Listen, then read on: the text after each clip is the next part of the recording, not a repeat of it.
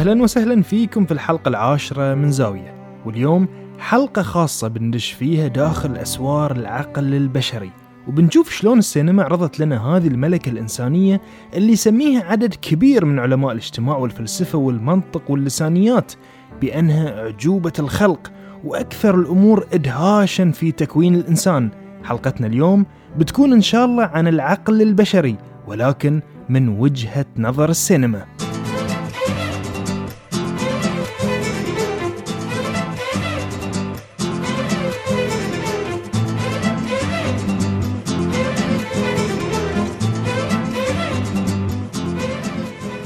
وقبل البداية ودي أنوه على فارق كبير بين المخ والعقل.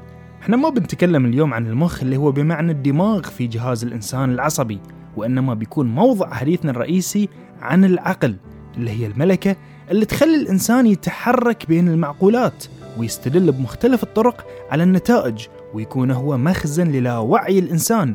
وهذه يعني أن جهة المناقشة والحديث في الحلقة بتتمحور حول العقل المجرد وليس العقل المادي بتعبير علماء النفس.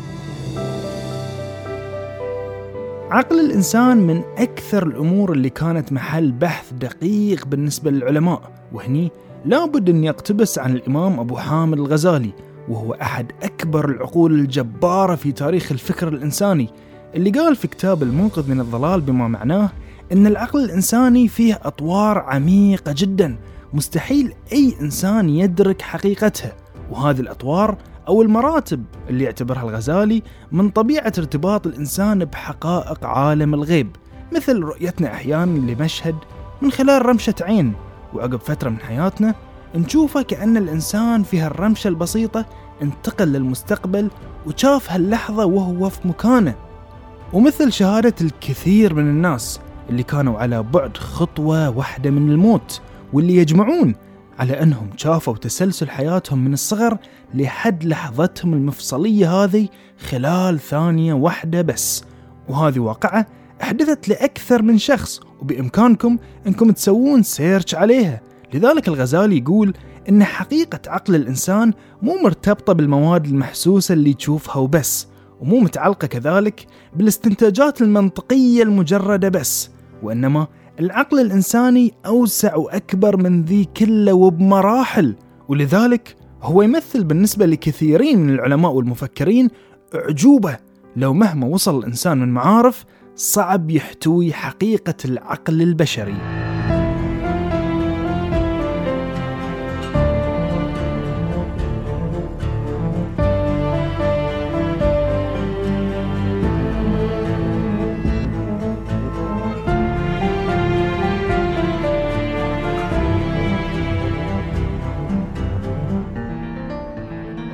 ولأن مساحة العقل فيها هالكم من الإدهاش.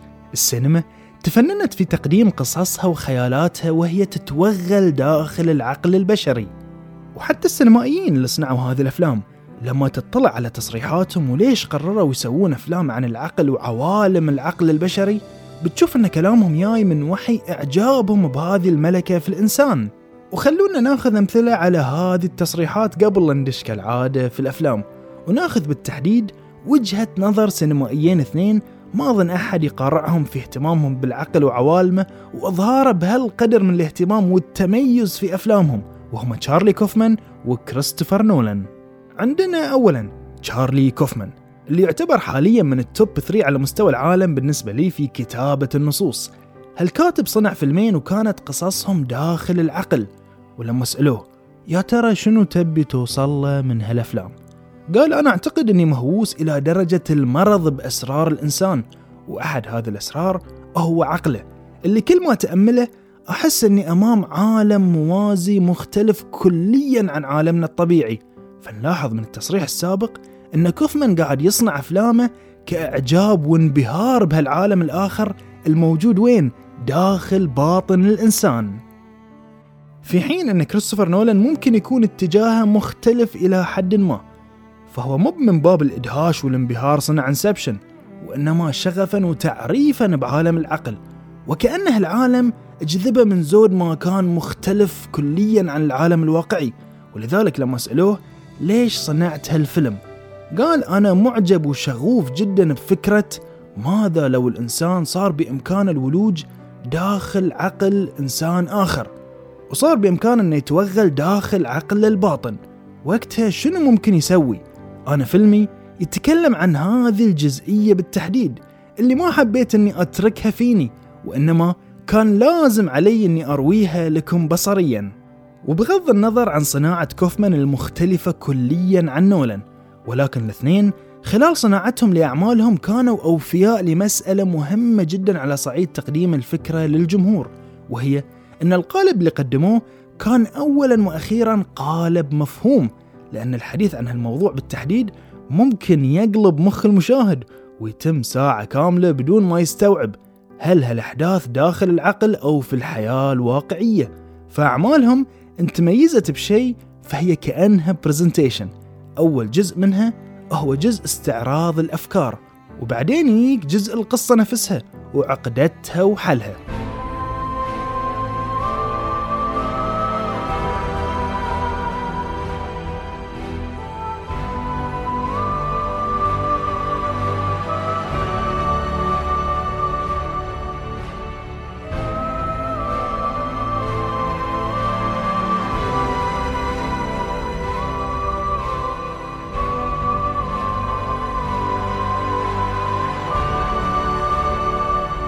خلونا نبتدي أول شيء بفيلم Inception لكريستوفر نولان وبعدين نتوجه إلى عمل كوفمان. هالفيلم من وجهة نظر متواضعة هو أفضل عمل قدمه كريس نولان الكاتب. أدري أن نولان هو المخرج أيضا بس دائما أحب أفصل بين إنتاج نولان كمخرج وإنتاجه ككاتب لأن العطاء مختلف بين الاثنين بين كل فيلم وفيلم. و Inception أقدر أقول أنه سقف العبقرية اللي وصلها نولان ككاتب.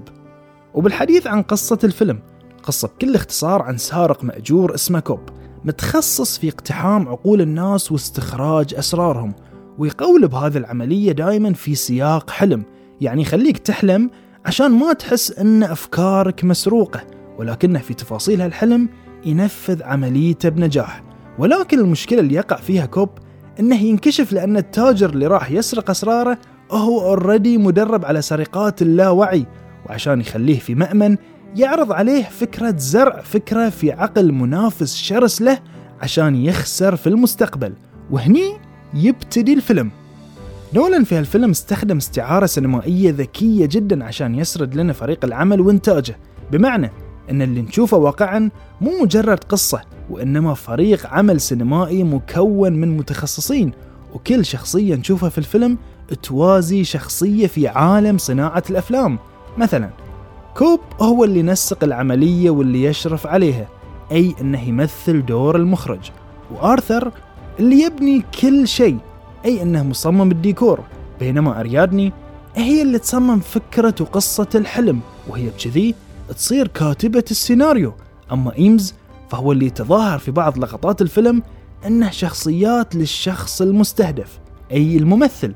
بينما يوسف هو اللي يعرف شلون يوظف التقنيات اللي تخلي الشخصيات تغوص أزيد في عالم الحلم ويعطيهم دوافع التخيل كأن الحلم كله واقع نفس مهمة المؤثرات البصرية أما سايتو هو اللي يمول عمليات الفريق السارق كأنه شركة إنتاج You never really remember the beginning of a dream, do you? You always wind up right in the middle of what's going on. لما تشوف Inception تحس إنك في رحلة سياحية داخل عقل الإنسان وتشوف الشخصيات الموجودة فيه والأحداث اللي تكون حلقة ارتكاز في ذاكرته. وهذه بالتحديد كان أحد أبرز أهداف كريس نولان في الفيلم أن اختزال العقل في العمليات الكيميائية المحضة هو إهانة له وجانب مادي ما يرتبط فيه. في المقابل عشان يرد على هذه الفكرة ويدعم رايه كنا نشوف المشاهد الشاعرية المؤثرة اللي تقع داخل لاوعي الإنسان. ونشوف في عدد كبير من المشاهد أن الجانب السوداوي من حياة بطل القصة يلاحقه حتى وهو داخل رحلات الأحلام خلاف حياته الواقعية اللي يعيشها بانسيابية مطلقة كأن نولان يقول لنا أن اللي يقول عن العقل الإنساني بأنه مادة هو إنسان سطحي مسكين ما بلغ الحد اللي مكنه من رؤية عمق هذا العالم. وهذه مع الأسف اللي افتقده نولان في بقية أفلامه. أن الحس الشاعري ما طلع بشكل متميز إلا في Inception في حين أنه مثلا في Interstellar كان مجرد مشهد عابر بينما في Inception هو حلقة وصل بين كل مشهد وتطور في القصة والإبداع الأكبر أنه خلى كل هذه التراكمات وعمليات البناء الدرامي في الشخصيات ومشاعرها في عالم اللاوعي مو في عالم الواقع كأنه تحدي واستعراض عضلات لما قالوا الناس أن نولان مبدع في حياكة القصص ولكنه كاتب عادي جدا على الصعيد الشعري ولكنه رد عليهم في هالفيلم لا ومو بس كذي ضمن هالجانب المنتقد في عالم الأحلام مو في عالم الواقع وهذا اللي يخليك تحترم الفيلم كعمل استثنائي إنه على صعيد البناء الدرامي للشخصيات كان مذهل بنفس ما كان مذهل في استعراضه للعقل الإنساني في القصة ومراحلها وتطورها. ومو بس كذي حتى على الصعيد الموسيقي كان الفيلم نفس ما نقول يمشي بتوازي مع عبقرية القصة. وهانزمر استخدم أغنية إديث بياف اللي كانت تستخدم في الفيلم لإيقاظ الشخصيات من أحلامهم وبطئها نفس ما عالم الواقع يكون بطيء بالنسبة لعالم الأحلام. خلونا نسمع أول شيء الأغنية الأصلية.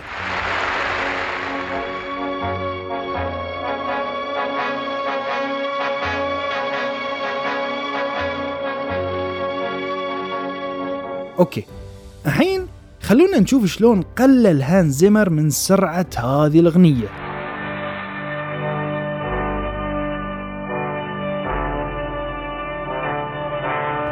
والحين ال soundtrack الأصلي خلونا نسمعه.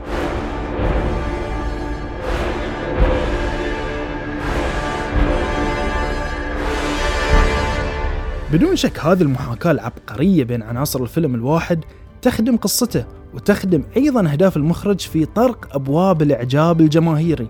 لا سيما بعد إذا كانت القصة بهذه القدر من التعقيد.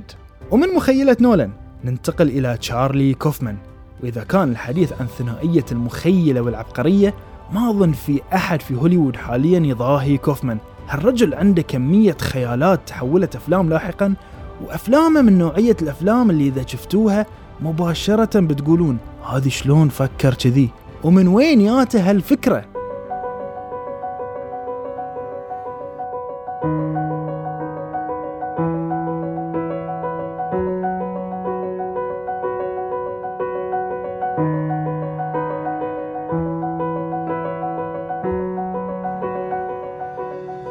تشارلي كوفمان عنده فيلم فكرته غريبة كثر ما هي عبقرية اسمه Eternal Sunshine of the Spotless Mind وقصته عن اثنين منفصلين يضطرون إنهم يروحون عيادة مختصة بمسح الذكريات عشان يبتدون حياتهم من جديد كوسيلة للهروب من جميع اللحظات السعيدة اللي عاشوها مع بعض. فطول الفيلم أنت قاعد تدور في عقل هالاثنين. كوفمان في هالعمل يقدم استقصاء نفسي سينمائي ممتع جدا للعلاقات الرومانسية. وشنو هي المواضيع اللي تشكل هوياتنا وذاكرتنا؟ والرومانسية هني رومانسية واقعية وصادقة للعلاقات العاطفية. مو نفس رومانسيات هوليوود ويوتوبيا الحب والنهايات السعيدة اللي تخلق في المشاهد حالة من الاغتراب بين واقع المشاهد والخيال السينمائي.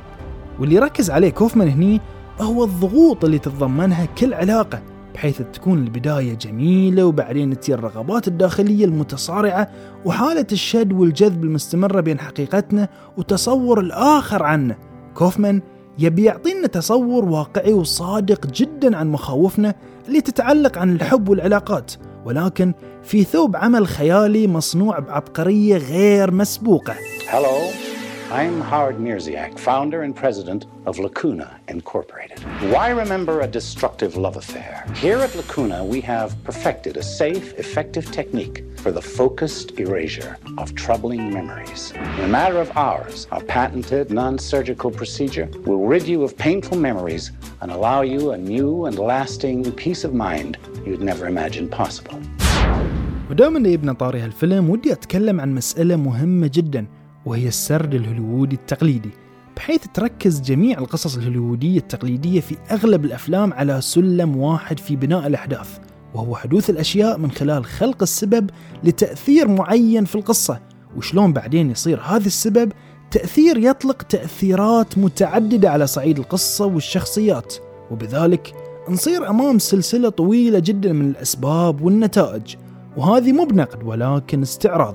اللي يبي أقوله أن السرد الهوليوودي التقليدي ما يتألف من سلسلة عشوائية من الأحداث وإنما سلسلة مبنية على السبب والنتيجة في زمن واضح ويكون لها بداية ووسط ونهاية. إلا أن كوفمان في هالفيلم عطل نقطة مهمة يرتكز عليها السرد الهوليوودي التقليدي وهي السبب والنتيجة واقتصر على الاعتماد على مشاعر الشخصيات العفوية.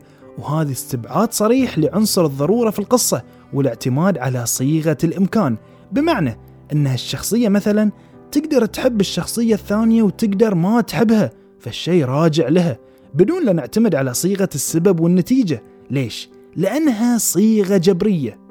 لما خلصت الفيلم تذكرت عبارة جميلة قالها فرويد في مقالة مشهورة له عن الحداد العاطفي. يقول عن النسيان أنه مستحيل يتحقق على نحو دائم أو نهائي لأن الذكريات تتغلغل فينا وتخترق أعمق طبقات العقل البشري. والفيلم يتبنى هالمنظور تماما ويراوينا هزيمة الشخصيات أمام ذكرياتها بشكل شرس. وعشان ما نحرق عليكم لازم تشوفون عبقرية كوفمان اللي قدرت تحل هذه العقدة. هالفيلم انعكاس لأبيات قصيدة مشهورة ألقاها الشاعر الإنجليزي ألكسندر بوب عن مأساة قصة حب بين اثنين يتمنى فيها الأول أنه يعيش اللحظات الأولى من قصة الحب كأول مرة. فيقول أريد أن أراك لأول مرة. والفيلم نفس الشيء هو عن الوقوع في الحب من جديد مرة ثانية وثالثة ورابعة كأول مرة.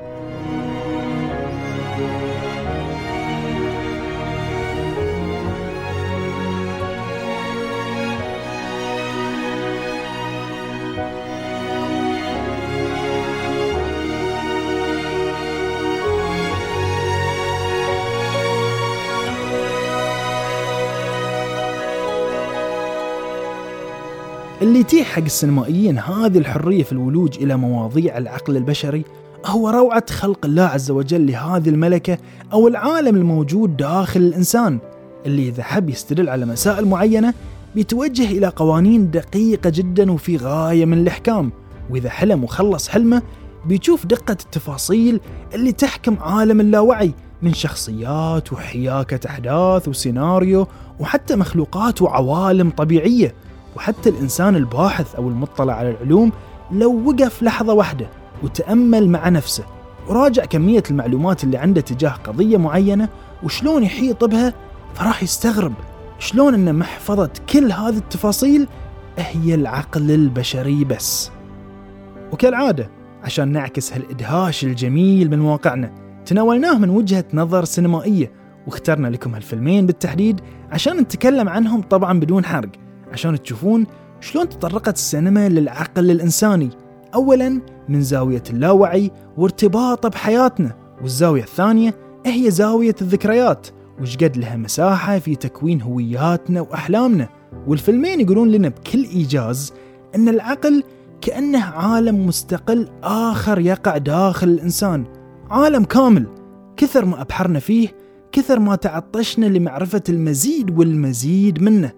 العقل الإنساني مثل ما وصفه الإمام الغزالي هو البصر المجرد عن المادة وأعظم شرف حصلت عليه البشرية.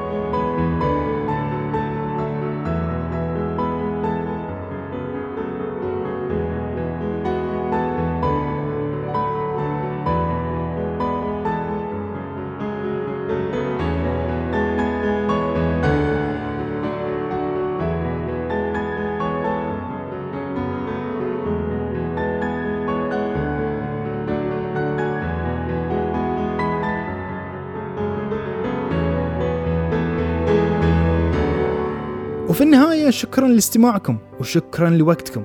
نتمنى كانت هالحلقة عن تطلعاتكم وآمالكم.